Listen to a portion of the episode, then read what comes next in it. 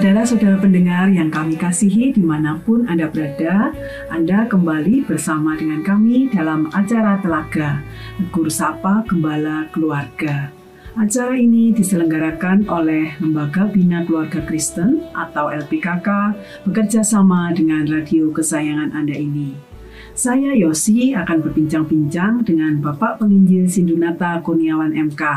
Beliau adalah seorang pakar dalam bidang konseling keluarga. Dan perbincangan kami kali ini tentang batasan sehat berpacaran. Kami percaya acara ini bermanfaat bagi kita sekalian dan dari studio kami mengucapkan selamat mengikuti. Pak Sindu, apa sih yang dimaksud dengan batasan sehat berpacaran? Apakah berarti ada batasan yang salah yang dilanggar atau yang tidak sehat, Pak? Arti kata batasan itu bisa kita mengerti sebagai pagar pelindung. Jadi dengan menegakkan batasan sehat, berarti kita sedang melindungi untuk hal yang mendatangkan kebaikan. Demikian pula dalam hal berpacaran. Untuk itu, saya akan membagikan empat hal yang dibutuhkan untuk membangun batasan hmm. sehat dalam berpacaran. Nomor satu, apa Pak? Yang pertama, berpacaran membutuhkan status. Jadi ketika relasi makin dekat antar pria dan wanita, maka sebaiknya salah satu pihak dan bahkan kedua belah pihak berani untuk mengkonfirmasi, hmm. berani untuk menyatakan apakah memang relasi ini relasi romantik, relasi berpacaran atau bukan. Kenapa Pak hal ini kok penting? Maksud saya gini kan muda-mudi biasanya isi going ya. Kenapa nggak ya dibiarkan aja mengalir gitu. Pokoknya kan relasinya baik gitu ya. Tentunya tidak sampai oh, melanggar batasan kekudusan dan sebagainya. Ini dalam rangka hmm. untuk melindungi kedua belah pihak Bu Yosi. Jadi ada kan istilah berkembang pemberian harapan palsu. PHP ya Pak? Iya. Ya. Jadi ini akan melindungi dari hal demikian. Jadi supaya tidak ada salah satu pihak pun baik pria ataupun wanita yang di PHP, hmm. yang diberi harapan palsu hmm. dan kemudian dia terluka mendalam. Dan itu juga untuk memberi pertanggungjawaban kepada dunia luar. Jadi orang-orang akan mempertanyakan, misalnya kedua belah pihak orang tua ataupun teman-teman dekat, teman-teman gereja, pendeta akan bertanya, ini hubungan kalian ini pacaran atau bukan? Kok tampilannya seperti pacaran? Ke mana-mana berdua gitu ya Pak, misalnya. Ya, hmm. dan terasa eksklusif dan membuat teman-teman lainnya risih katanya teman, tapi tampilannya kayak seperti berpacaran. Nah, ini tidak memberikan damai sejahtera, hmm. tidak ada pertanggungjawaban secara sosial, secara relasi di hadapan tubuh Kristus ya. ataupun di tengah masyarakat, sehingga status ini akan memberikan batasan yang sehat. Oke, ya kayak TTM gitu ya Pak ya, teman tapi mesra.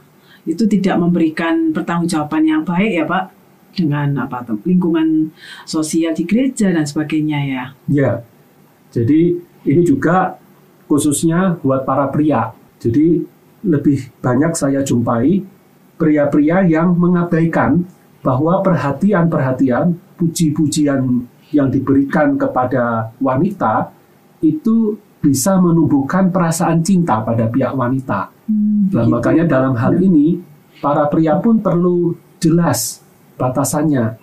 Jadi kalau memang tidak punya maksud serius untuk menjadikan wanita itu pasangan kekasihnya, maka berhentilah untuk atau batasilah perhatian ya, dan pujian. Tidak perlu memberikan puji-pujian, perhatian yang berlebihan begitu ya Pak? Benar. Sebaliknya bagaimana dengan pihak wanita Pak? Ya, jadi pihak wanita pun berhak untuk mengkonfirmasi ke pria okay. tersebut. Kok aku merasa si abang ini, hmm. si kakak ini kok makin dekat dan sepertinya menumbuhkan perasaan cinta dalam hmm. diriku dengan perhatian dan pujian-pujiannya, maka berhaklah wanita ini untuk mengkonfirmasi, bertanya secara asertif, artinya dengan pilihan kata yang baik, nada yang baik, waktu yang tepat. Nanti nggak dikira kegeeran ya Pak ya kalau tanya begitu. Nah betul. Jadi bisa seperti dianggap GR ya, ya. gede rumongso ya, berharap terlalu lebih, hmm. menafsirkan berlebihan. Maka kalau merasa ada kemungkinan seperti itu, titip lewat teman dekat yang bisa Oh, dipercaya. ya. Setuju, setuju Pak. Jadi untuk titip menanyakan apakah dia menganggap sebatas teman ataukah memang sedang memupuk perasaan cinta, Ya, betul. ya sedang menjajakan. Nah, Hmm. dengan demikian jadinya jernih, transparan relasi Hmm. ini. Ya, setuju Pak. Ini untuk melindungi apa ya dua belah pihak dari tadi ya Pak eh, PHP yang tidak perlu dan rasa terluka yang tidak perlu. Sehingga Betul. hubungan kita dengan sesama jenis dengan lawan jenis juga berjalan dengan sehat dan baik ya Pak ya. Hmm. Yang poin kedua Pak. Kedua, berpacaran membutuhkan keutuhan diri. Jadi pacaran itu bukan jawaban atas ketidakutuhan diri. Berpacaran bukanlah solusi untuk hati yang kesepian. Pacaran tidak akan menyembuhkan rasa kesepian atau hati yang kesepian. Begitu ya Pak ya. Padahal faktanya sering kali justru pacaran itu adalah pelarian dari hati yang kesepian atau katakanlah hati yang kosong, tidak menerima kasih dari orang tua dan sebagainya. Lalu bagaimana Pak? Apa tanda-tandanya kita ini mengalami ketidakutuhan diri? Bagaimana mengenali diri kita, Pak? Yang pertama, Bu Yosi, yaitu ketika kita terburu-buru berpacaran dengan tanpa menetapkan kriteria sehat pacar yang hendak kita terima atau kita pilih dan tanpa tujuan ke arah pernikahan. Jadi berpacaran yang benar adalah memang disasarkan ke arah pernikahan. Artinya penjajakan untuk mengenal dengan lebih baik apakah lawan jenis itu tepat atau tidak menjadi Teman hidup. teman hidup saya. Hmm. Bukan berarti pasti harus jadi teman hidup. Bukan. Jadi pacaran itu sarana untuk mengenal. Nah, kalau tidak punya sasaran itu sebaiknya tidak berpacaran, tetapi berteman, Nah, bersahabat. Oke. Kalau persahabatan, Pak, apakah itu sah untuk mengisi ruang-ruang hati kita yang memang perlu diisi dengan kasih? Sah, Oh, justru oke. itu pilihan yang tepat. Jadi kalau kita memang punya hati yang sepi, pergumulan akan kesepian, justru salah satu solusinya bangunlah pertemanan, persahabatan yang sehat. Di mana pertemanan dan persahabatan yang sehat itu memberi batasan-batasan yang jelas, tidak menguasai, tidak juga membangun kebergantungan. Nah, di sinilah kita diuji dan dimatangkan sebagai langkah berikutnya untuk nantinya kita lebih Masuk siap ke jenjang pepacaran. Oke. Tanda-tanda apa lagi, Pak, yang harusnya kita sadari ketika kita mau apa berpacaran yang membutuhkan ke- tidak mem- tidak keutuhan diri tadi, Pak? Jadi tanda ketidakutuhan di- diri ini yang kedua adalah membiarkan perlakuan merendahkan terjadi. Misalnya ketika kita membiarkan orang lain atau pacar kita menghina kita dengan kata-kata makian, melakukan kekerasan fisik, tamparan, tendangan pada kita dan kita biarkan ataupun pacar kita melakukan sentuhan seksual, pemaksaan seksual yang memang itu sesungguhnya kita tahu itu keliru, tapi kita biarkan. Jadi pasangan-pasangan pacaran yang demikian itu akan melakukan atau membiarkan hal-hal yang merendahkan itu terjadi.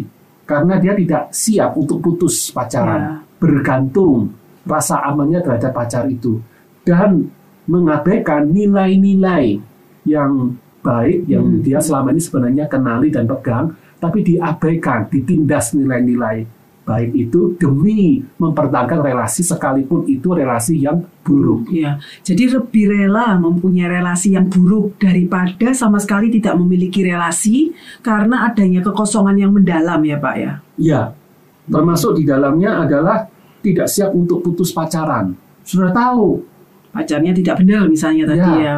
suka minta uang, Hmm. suka minjam uang tapi tidak pernah dikembalikan. Sudah pernah melakukan perselingkuhan, punya Ya. pacar-pacar yang lain, dia tegur, minta maaf, ternyata pacaran lagi dengan yang lain. Nah, tapi tidak siap untuk memutus. Lah, ini tanda bahwa kita punya ketidakutuhan diri berarti. Termasuk mungkin orang tua, pembimbing rohani, guru di sekolah sudah memperingatkan, eh ini kamu pacarannya nggak sehat Iya. dia pacarmu kayak gini, udahlah putus aja daripada kamu dirugikan. Tapi tetap mau mempertahankan. Nah, itu tanda terjadi ketidakutuhan Utuhan diri diri. di dalam diri kita. Ya, ya, ya, menarik ya Pak ya. Padahal sering kali kita berpikir ketika kita uh, mempertahankan uh, relasi pacaran meskipun buruk itu karena kita justru banyak mengasihi atau kita penuh dengan kasih. Ternyata konsep yang salah ya Pak Sindu ya. Benar. Jadi bahwa pacaran itu dilandasi dengan batasan yang sehat. Kita mengasihi dalam dua wujud. Kita memberi, tapi kita juga Menerima. menerima. Termasuk pacaran yang sehat bukan dibangun atas dasar belas kasihan. Kasihan wanita ini kesepian, kasihan cowok ini tidak ada yang mau jadi pacarnya. Udahlah saya jadi pacarnya, saya mau menolong dia. Ya, tidak bisa. betul. Biasanya gitu Pak, savior syndrome ya Pak. Ya, jadi apa? Hmm. Tadi yang disebutkan Bu Hmm. Yosi gejala Penyelamat, penyelamat, ya, iya. menjadi Penyelamat, pahlawan iya. kesiangan. Bagi pacarnya Ya, itu Hmm. bukan landasan pacaran yang Hmm. sehat. Ya Pak, silakan diteruskan. Apalagi Pak gejala-gejala eh, ketidakutuhan diri yang sering kali memang ini tidak disadari, khususnya wanita Pak. Ya, jadi termasuk di dalamnya yaitu cepat-cepat berpacaran dengan orang lain ketika putus pacaran. Oh, Ya. oke. Jadi ketika kita memiliki diri yang utuh, diri yang cukup sehat, kita akan memberikan ruang waktu ketika memang mengalami putus pacaran, waktu untuk berduka, waktu untuk berhenti sejenak mengolah mengelola perasaan negatif, kesedihan karena putus pacaran itu. Itu butuh beberapa minggu atau mungkin beberapa bulan. Supaya dengan demikian tidak ada lagi eh, perasaan marah, perasaan sedih yang tersisa ketika mengizinkan berduka, menangis, meratap. Ketika cukup masa perkabungan itu, barulah siap untuk move on, Ya, siap untuk membangun relasi romantik dengan dengan pria lain atau pria wanita lain. ya. atau wanita lain. Jadi memastikan bahwa hubungan yang baru nanti tidak hanya sekedar pelarian lagi ya Pak. Yang kalau nggak kita pastikan kita hanya cepat-cepat berpindah itu hanya pelarian demi pelarian. Mengisi kekosongan yang sama. Betul. Termasuk tanda yang berikutnya Bu Yosi, orang yang tidak utuh diri ketika berpacaran, dia akan condong menguasai, mendominasi pacarnya, mengendalikan pacarnya. Pacarannya bersifat menindas, menguasai, bersifat posesif, Contohnya Pak? membelenggu pacarnya itu. Jadi, kamu harus ikuti apa kemauanku. Kalau kamu sayang, kamu ikuti kemauanku. Kalau kamu sayang, berarti kamu akan selalu hadir di mana pun aku ada. Ketika aku kirim teks, kirim SMS, kirim WhatsApp, message Harus ke langsung kamu, dibalas. kamu harus langsung dibalas. Iya, iya. Di mana pun aku butuh, kamu responsif. Nah, itu berarti kita menguasai, mendominasi, posesif, mengendalikan demi pemuasan diri. Pacaran yang sehat bukan demi pemuasan diri, tetapi kita saling memberi hal yang baik, sumbangsi untuk pertumbuhan bersama. Bukan menindas yang satu demi diri sendiri. Atau menindas diri sendiri demi menyenangkan yang lain, tapi kita mengorbankan kepentingan kita. Ya, Itu berarti kita dalam kondisi yang tidak, tidak utuh. Mm-mm. tidak siap sesungguhnya untuk berpacaran. Mhm. Lalu bagaimana Pak kalau memang keadaan kita sadari tadi tanda-tandanya kita tidak utuh gitu ya? Apa yang harus kita lakukan sebelum kita nanti melangkah hubungan yang lebih baik, lebih sehat tentunya? Jadi selesaikanlah lebih dulu, sembuhkan terlebih dulu pergulatan kesepian kita supaya kita bisa membangun batasan yang sehat untuk berpacaran. Jadi berpacaran itu adalah relasi dari dua orang yang utuh, dua Ya. orang yang cukup dewasa, Ya betul. ya. Maka juga memperbaiki kondisi kita, perbaiki relasi dengan Tuhan, relasi dengan tubuh Kristus. Kalau punya dan biasanya orang-orang yang punya pergulatan kesepian itu ada akar kekosongan di masa lalunya. Ya, Carilah konselor yang memahami tentang pergulatan ini Mhm. untuk melakukan proses konseling yang mendalam supaya akar-akar masa lalu itu bisa dikuliti, bisa diambil masalah-masalah itu diselesaikan sehingga kita bisa menjalani masa kini dan ke depan dengan memiliki keutuhan. Saya setuju sekali tadi bahwa berpacaran adalah relasi dari dua orang yang sudah dewasa, yang sudah utuh. Mm-mm. Jadi tidak membebani atau saling menyedot, saling menarik, tapi justru berjalan bersama menuju ke arah yang sehat pernikahan. Ya, bagaimana dengan eh, tadi batasan ketiga, Pak Sindu? Yang satu tadi membutuhkan status, yang kedua tadi membutuhkan keutuhan diri, yang ketiga, Pak? Berpacaran membutuhkan jarak dengan lawan jenis lainnya. Jadi berani berpacaran, berani menjaga jarak relasi dengan lawan jenis lainnya. Terkadang ketika berpacaran, satu pihak protes, kenapa sih kamu kok membatasi relasiku? Mereka ini kan teman-temanku dari dulu. Ya, Sebelum benar. kita berpacaran, aku sudah dekat dengan para Ya. teman-teman wanita ini. Kok eksklusif sih jadinya? Mm. Itu kan tidak sehat. Nah, maaf, itu pandangan yang keliru. Jadi ketika kita berani berpacaran, itu artinya kita berani untuk menciptakan relasi yang eksklusif. Jadi memang harus eksklusif ya, Pak ya? Ya, Oke. bahwa dialah wanita yang saya cintai, Hmm. wanita atau pria yang saya ingin menjajaki lebih khusus Hmm. untuk lebih mengenal apakah kami tepat menemukan kecocokan sejalan sevisi untuk membangun relasi pernikahan. Maka dalam ini dengan pria-pria yang lain, wanita-wanita yang lain kita Harus menjaga membatasi ya, membatasi dan menjaga jarak Hmm. yang sehat. Ya, ya. Setuju Pak. Itu sebabnya dibutuhkan kedewasaan tadi ya Pak ya. Karena kalau memang kita masih remaja, pasti kita masih butuh banyak teman, banyak apa ya eh, dekat dengan orang. Tapi semakin dewasa kita semakin bisa memilah eh, batasan yang tepat tadi ya. Ya. Gitu ya. Jadi memang sebaiknya secara perkembangan psikologis Mm-mm. pacaran itu ketika kita telah meninggalkan jenjang SMA. Masa SMP SMA, masa remaja itu masa menjawab siapa aku, Ya. meneguhkan identitas diri. Ya. Identitas dan jati diri dibangun lewat kelompok sejenis, pria dengan pria, wanita dengan wanita, termasuk kalaupun dengan lawan jenis membangun pertemanan yang, sehat. Ya. Setelah itu melewati tahapan itu barulah kita lebih siap untuk berpacaran, relasi lawan jenis yang eksklusif. Ya, setuju Pak. Tadi yang tadi ya, dalam masa- masa-masa SMP SMA kita ini sedang membangun diri yang utuh tadi. Sehingga ketika itu udah prosesnya udah istilahnya beres, baru kita siap untuk membangun hubungan yang lebih eh, eksklusif.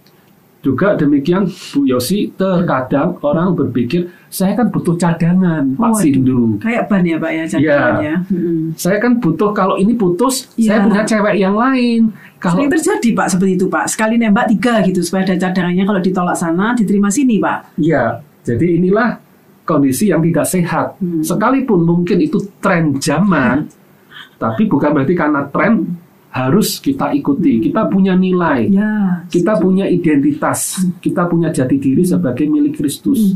Nilai-nilai kebenaran, keadilan, kekudusan, Ya. kemurnian. Mari Dan kita berani. tujuannya, tujuan hidup kita apa? Bukan untuk hanya sekedar menjalin hubungan dengan cewek atau cowok gitu ya Pak ya.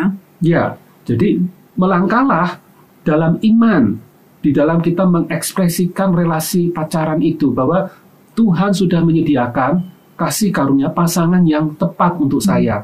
Jadi sambil kita menjalin relasi pacaran, sambil kita membawa dalam doa, melangkah dengan iman. Jadi dengan demikian pacaran yang eksklusif artinya tidak membangun pertemanan seperti apa TTM dengan Ya, banyak ya. yang lain, Hmm. berani kita lakukan, berani kita artinya berani kita berkata tidak demi pacaran yang sehat. Karena tersebut. kita tahu tujuan kita apa ya Pak ya punya nilai-nilai tadi.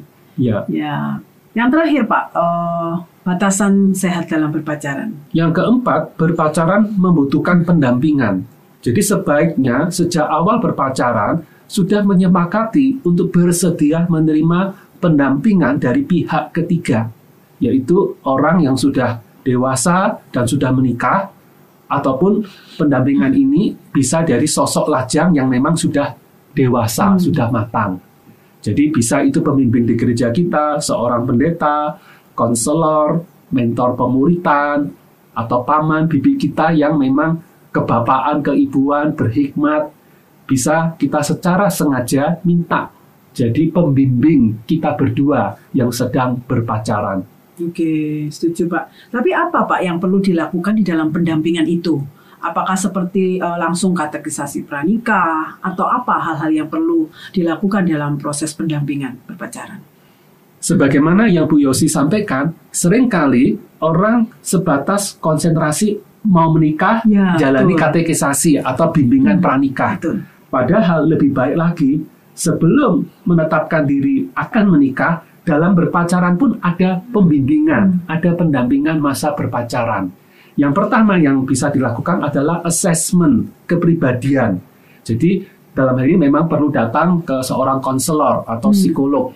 Dilakukan tes kepribadian okay. sehingga mengenali masing-masing pria wanita ini karakteristik Profilnya, ya. ya profil kepribadiannya seperti apa, menemukan potensi kesesuaian, potensi konflik dalam berpasangan sudah diketahui lebih dini. Okay. Kemudian juga lewat konselor itu bisa mengenali rekam jejak keluarga asal masing-masing dan kualitas pernikahan orang tua masing-masing. Umumnya kita akan memilih pasangan pacar dan pasangan nikah hmm. dan menjalani model pernikahan tidak jauh dari kondisi pernikahan orang tua masing-masing. Sebab itu yang kita tahu ya Pak ya mau ya. tidak mau itu yang mempengaruhi kita. Ya, tontonan jadi tuntunan ya. secara alamiah. Ya. Maka dengan mengenali sejak dini, kalau misalnya kita memiliki latar belakang orang tua yang pernikahannya kurang sehat, kita bisa melakukan pembelokan secara sengaja ya. lewat pendampingan tersebut, lewat pembimbingan, lewat proses konseling sehingga kita tidak perlu meneruskan ya. pola yang buruk dari pernikahan orang tua kita masing-masing. Mm -hmm.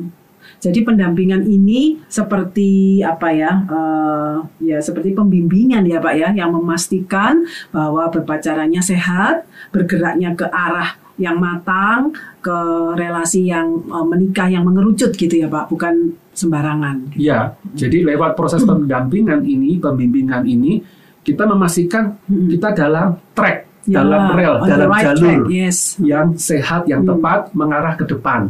Kalaupun relasi itu putus berujung ke keyakinan bahwa tidak cocok untuk melangkah lebih lanjut, tidak apa-apa, tapi putus secara terhormat. Ya, tidak perlu sampai saling menyakiti, ya, saling mencaci. Benar. Kadang bisa mengumbar di medsos atau status gitu yang tidak elok gitu ya Pak ya. Betul. ya. Kemudian juga pendamping ini menolong pasangan bisa membahas hal-hal yang sensitif yang mungkin enggan untuk dibahas, disinggung hmm. dalam relasi pacaran. Misalnya apa Pak? Misalnya tentang batasan waktu, kapan mau menikah, oh, okay. apakah relasi ini memang semakin mantap atau semakin tidak mantap untuk diteruskan. Kadang salah satu pihak kucing-kucingan, satu ini pengen tanya umumnya wanita kan, mm, karena batasan usia, yeah. yang cowoknya tidak berani melangkah benar serius ya. Maka adanya mm. pembimbing, pendamping pihak ketiga ini akan menolong memberi yeah. batasan waktu. Ayo kita sekarang sudah relasi mm. karir udah jalan enam bulan, mm. ayo sekarang kasih umpan balik masing-masing ini gimana? Hmm. Ini sudah jalan setahun. Ini kira-kira relasi ini gimana menurut kalian masing-masing? Nah, dengan demikian ada semacam wasit yang memastikan baik jalannya pertandingan Jadi, bukan melindungi kedua belah hmm. pihak, termasuk merancang masa depan. Kira-kira kalau mau menikah seperti apa model yeah. pernikahan yang kalian akan jalani, model keluarga, mau punya berapa anak, hmm. sebagainya. Jadi ini memang akan masuk bisa masuk ke tahap nantinya pranikah. Ya, sekalian Jadi, perencanaan pernikahan ya Pak. Uh, mulus jalannya hmm. dari pacaran hmm. sampai ke arah pun hmm. semakin mantap, ke arah pernikahan pun bisa dilanjutkan. Hmm. Tapi kalaupun tidak seret, mau ganti pembimbing, hmm. ganti mentor, ganti hmm. pendamping nggak apa-apa. Hmm. Ngomong terima kasih hmm. untuk bimbingannya selama ini, hmm. selama ini kan kami rasa cukup. Hmm. Jadi bisa diganti hmm. dengan yang lain pun tentunya diperlukan apa? Keterbukaan juga ya Pak dari yang dibimbing bersedia tadi mau terbuka menceritakan masalahnya juga ya. Dua arah gitu ya Pak. Betul. Ya Pak. Uh, untuk uh, firman Tuhan yang mendasari hubungan sehat uh, dalam berpacaran apa Pak Sindu? Saya bacakan dari Amsal 30 ayat 19 jalan Raja Wali di udara jalan ular di atas cadas jalan kapal di tengah-tengah laut dan jalan seorang laki-laki dengan seorang gadis. Di sini firman Tuhan menggambarkan tentang hal keunikan termasuk relasi laki-laki dan perempuan di dalam masa berpacaran. Jadi marilah berani untuk mengakui ada banyak hal kita kurang pahami, ada banyak hal yang kita akan hadapi dalam masa berpacaran, beranilah untuk belajar, beranilah untuk mencari pendamping, pembimbing Betul. atau mentor, beranilah melibatkan Tuhan, Kristus, dan tubuh Kristus. Dengan demikian perjalanan kita akan bermakna dan berhasil. Ya, terima kasih banyak Pak Sindu untuk uraiannya. Uh, saya percaya ini akan memberkati para pendengar khususnya yang sedang bergumul tentang berpacaran. Para pendengar sekalian, terima kasih Anda telah mengikuti perbincangan kami dengan Bapak Penginjil Sindunata Kurniawan MK dalam acara Telaga Tegur Sapa Gembala Keluarga. Kami baru saja berbincang-bincang tentang batasan sehat berpacaran. Bagi Anda yang berminat untuk mengetahui lebih lanjut mengenai acara ini, silahkan menghubungi kami lewat surat alamatkan surat Anda ke Lembaga Bina Keluarga Kristen atau LPKK, Jalan Cimanuk nomor 56 Malang. Atau Anda dapat mengirimkan email ke telaga@telaga.org. Kami juga mengundang Anda mengunjungi situs kami di www.telaga.org. Saran-saran, pertanyaan, serta tanggapan Anda sangat kami nantikan. Akhir kata dari studio kami mengucapkan banyak terima kasih atas perhatian Anda dan sampai jumpa dalam acara telaga yang akan datang.